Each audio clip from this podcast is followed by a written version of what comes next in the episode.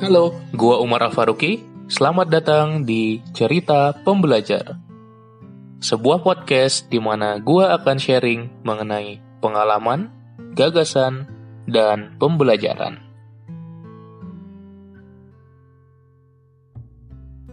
Halo, kembali lagi di Cerita Pembelajar.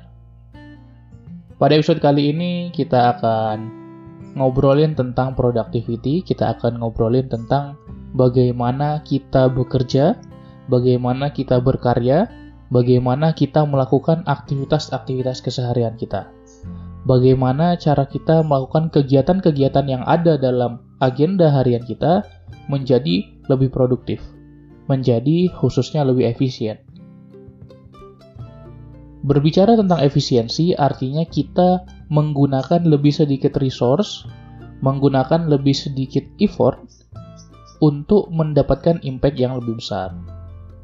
Untuk mendapatkan impact yang sama, bagaimana effort yang kita butuhkan lebih sedikit. Seringkali ketika kita melakukan berbagai aktivitas, effort utama kita adalah waktu. Sehingga gimana sih caranya kita bisa mengurangi waktu kita untuk melakukan suatu pekerjaan yang impactnya itu sama gitu ya, tapi bagaimana waktunya itu lebih sedikit gitu. Apakah ada metode-metode untuk kita bisa mengurangi waktu yang dibutuhkan dalam melakukan suatu pekerjaan?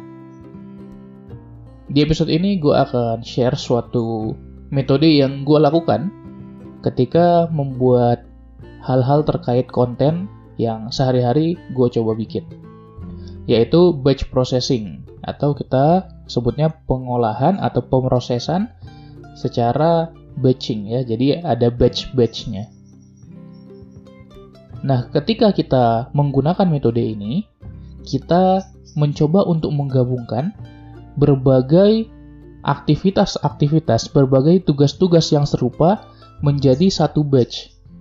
Jadi kalau misalnya kita punya sebuah proses yang terdiri dari aktivitas A, aktivitas B, aktivitas C, maka coba kita gabungkan aktivitas A dengan aktivitas A yang lain dan kita lakukan semuanya dalam satu waktu. Contoh adalah ketika gue mencoba membuat quotes atau kata-kata inspirasi yang di Instagram sering gue post setiap hari yang gue labeli namanya catatan Umar.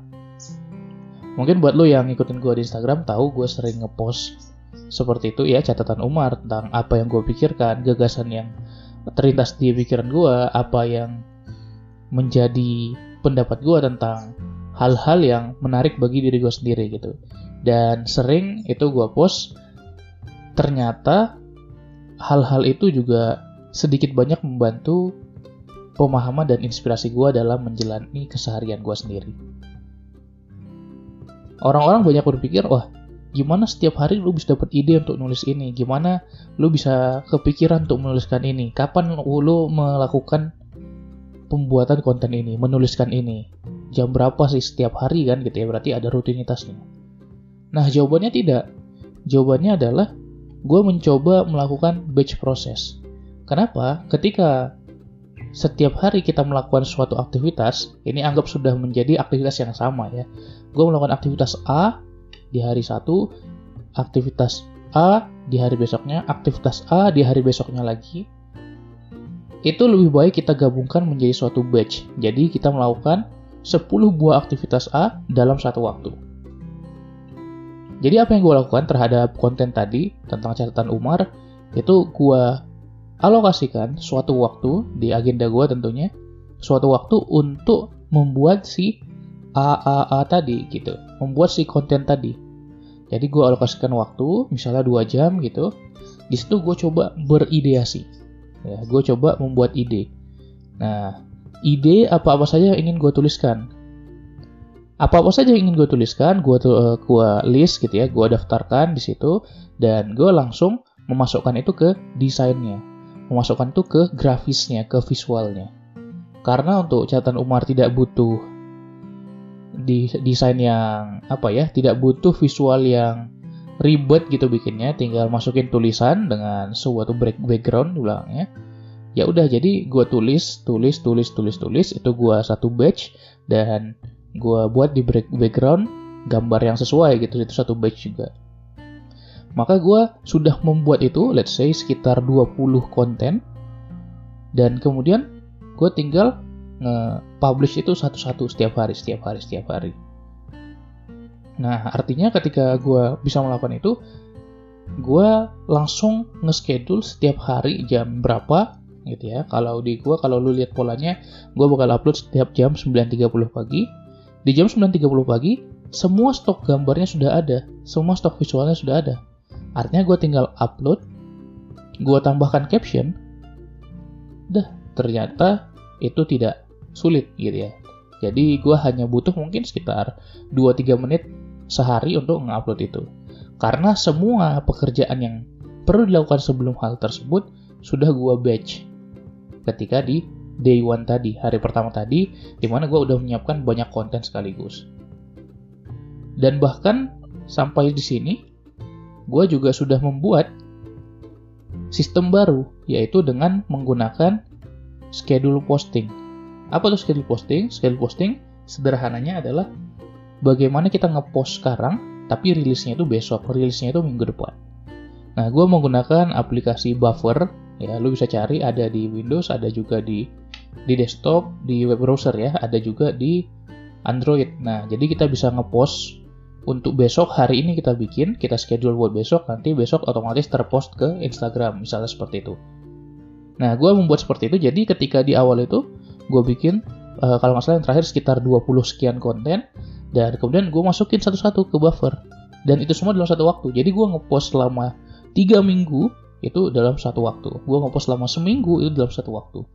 Sehingga setiap hari gue nggak perlu mantengin Instagram lagi, gue nggak perlu ngeliat lagi apakah udah terpost atau enggak karena udah otomatis terpost per hari gitu kita bisa bikin schedule-nya nah itu nge-save waktu banget daripada gue membuat semuanya itu per hari gitu ya membuat desainnya kemudian membuat tulisannya apa yang pengen gue share kemudian membuat captionnya kemudian posting. Kalau misalnya itu dilakukan setiap hari ketika diakumulasikan misalnya selama seminggu maka itu akan menggunakan lebih banyak waktu. Maka kita melakukan batch processing artinya kita taktis dalam melakukan aktivitas-aktivitas dalam kegiatan kita dalam proses yang kita sudah punya itu akan menghemat waktu kita, itu akan mengurangi effort dari segi waktu gitu. Jadi kita bisa lebih efisien. Artinya prasyarat dari kita bisa melakukan batch processing ini adalah kalau aktivitas kita prosesnya udah ada. Kalau aktivitas kita sudah tergambar jelas, kita bisa buat visual prosesnya. Makanya kita baik kalau kita menggunakan flowchart gitu ya, kita menggunakan diagram yang menjelaskan sekuensial dari proses kita. Abis ini, kemudian ini, abis ini, kemudian ini, abis ini, kemudian ini. Jadi kita tahu yang mana yang bisa di batch proses, yang mana yang enggak. Yang mana yang lebih efisien kalau di batch proses, yang mana yang enggak. Kenapa? Karena variatif sekali. Ada beberapa proses yang gue lakukan batch proses semuanya, ada beberapa proses yang gue lakukan batch proses sebagian, ada beberapa proses yang gue tidak melakukan batch proses sama sekali. Karena kita akhirnya perlu mengiterasi dan menemukan, oh ini cocoknya di batch proses atau enggak. Contoh, ketika gue membuat konten video di Instagram, di IGTV, itu gue melakukan sebagian dari prosesnya itu batch proses, sebagian itu enggak. Jadi prosesnya seperti apa? Prosesnya gue sudah punya video gitu ya video gue rekaman podcast itu gue simpan di laptop gue dan gue buka pakai aplikasi bawaan Windows foto gitu ya dan gue trim sekitar 2-3 menit yang pengen gue share dalam format video. Ya ini biasanya disebut juga content repurposing. Nah kemudian gue buka Anchor uh, itu adalah tempat gue hosting podcast gue dan gue download audionya. Kemudian gue potong gitu ya, gue trim juga itu menggunakan Audacity. Setelah selesai gue trim menggunakan Audacity, itu gue masukin ke Oh sebelum itu gue convert dulu, gue kompres dulu videonya karena kalau kita recording pakai handphone atau kamera itu biasanya kan berat. Sementara itu sulit diproses kalau berat, maka gue kompres dulu, gue buka freeconvert.com, itu gue masukin videonya, terus gue download lagi videonya dalam bentuk yang sudah terkompres gitu ya. Jadi kualitinya tidak berkurang jauh gitu ya, hampir mirip. tapi size-nya itu sangat berkurang karena menggunakan pengkodean compression gitu ya. Ada beberapa format-formatnya. Kemudian gue masukin videonya ke feed.io. Di situ gue tambahkan bagian atasnya ada titelnya, ada judulnya, dan di bagian bawahnya ada captionnya atau subtitlenya. Terja apa? Ya, subnya lah, subtitlenya. Nah, kemudian gue bikin formatnya 9 kali 16 supaya cocok di IG story, uh, di IGTV ya, di IGTV. Terus gue bikin backgroundnya putih dan seterusnya baru kemudian gue bikin caption, gue copy ke handphone dan gue upload sebagai IGTV. Nah, itu prosesnya. Yang mana yang bisa di batch proses, ternyata yang awal-awal bisa di batch proses. Dan yang tengah dan akhir itu tidak bisa di batch proses karena ternyata text time. Ketika bikin subtitle dan seterusnya itu text time. Jadi yang awal-awal yang gue batch proses adalah trimming. Gue mencari yang mana yang insightful di yang paling utama dari podcast-podcast gue dan dari videonya jadi gue cari. Jadi gue misalnya sekaligus cari 5 uh, insight video gitu dari berbagai episode yang gue sudah bikin. Dan ketika nanti gue mau mengexecute next prosesnya itu gue execute satu-satu. Jadi kita bisa membatch proses itu nggak semuanya tapi sebagian saja dari aktivitas-aktivitas yang ada dalam satu proses dan ada juga yang gue nggak batch proses sama sekali seperti podcast cerita pembelajar ini. Podcast cerita pembelajaran ini itu dibuat dalam satu hari melakukan recording sekaligus melakukan editing sekaligus membuat desain covernya sekaligus membuat captionnya buat di Spotify dan kemudian diupload. Tapi sama ini juga melakukan publish upload gitu ya. Jadi biasanya kan gue upload di Spotify itu sekitar jam 3 sore. Tapi gue biasanya nguploadnya pagi karena gue recording selalu pagi dan gue upload sekitar jam 8 jam 9 itu udah gue upload tapi nanti munculnya sore gitu ya jadi ada schedule-nya. Di schedule itu gue bikin jam 3 sore. Nah jadi itu gue coba lakukan dengan tidak membuat batch proses karena itu tidak merupakan hal yang gampang ya bukan merupakan hal yang gampang ketika kita ketika gue melakukan batch proses untuk drafting podcast ini dan seterusnya terkadang gue melakukan drafting itu batch proses gitu ya. Jadi gue bikin draft untuk beberapa episode sekaligus gitu ya. Tapi seringnya gue melakukan draft itu per episode. Gitu. Jadi per episode gue bikin draft poin-poin yang pengen gue bahas apa sampai gue recording, sampai gue editing dan seterusnya. Jadi kita bisa menilai proses yang mana yang bisa kita batch semuanya, yang bisa kita batch sebagian atau yang nggak bisa kita batch sama sekali. Karena kita tidak bisa memaksakan semua aktivitas kita batch proses semuanya karena itu justru kadang-kadang tidak membuatnya lebih efisien. Maka kita pun harus cerdas memilih aktivitas yang mana yang mau kita batch.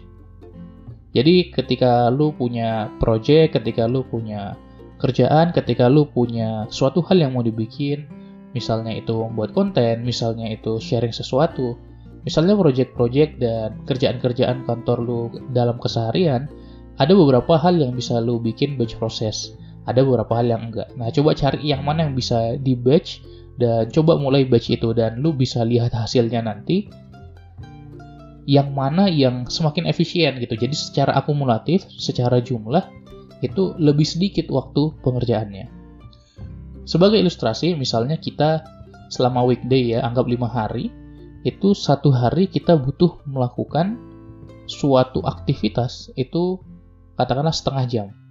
Berarti dalam lima hari itu dua jam setengah gitu. Tapi kalau misalnya kita melakukan aktivitas di hari Senin, Selasa, Rabu, Kamis, Jumat dalam satu waktu sekaligus, biasanya itu membutuhkan waktu yang lebih sedikit. Misalnya cuma satu jam setengah gitu ya. Jadi kita bisa hemat waktu berapa persen di situ 40 persen dari yang harusnya setengah jam kali 5 menjadi satu setengah jam kali satu. Ini berguna buat task, buat tugas yang sifatnya repetisi gitu ya dan tidak bisa diterapkan untuk yang mungkin sifatnya ideasi atau misalnya seni atau misalnya pembelajaran itu nggak bisa diterapkan. Jadi batch processing ini hanya dilakukan sama aktivitas-aktivitas yang sudah jelas prosesnya dan juga sudah jelas apa yang harus dilakukan sehingga kita bisa melakukannya dengan lebih efisien karena kita melakukan banyak hal sekaligus dalam satu waktu. Sekian episode kali ini. Terima kasih banyak yang sudah mendengarkan. Semoga lu bisa mencoba batch processing ini di beberapa task lu. Dan silahkan share buat teman-teman dan sahabat yang kiranya akan merasa manfaat yang serupa mendengarkan episode ini. Yang belum follow di Spotify bisa diklik follow. Semoga gue bisa terus konsisten membuat podcast-podcast seperti ini, terutama tentang topik productivity ini. Karena gue emang senang uh, membahas topik tentang productivity ini. Oke, sekali lagi terima kasih. Sampai jumpa di episode-episode berikutnya. Salam pembelajar.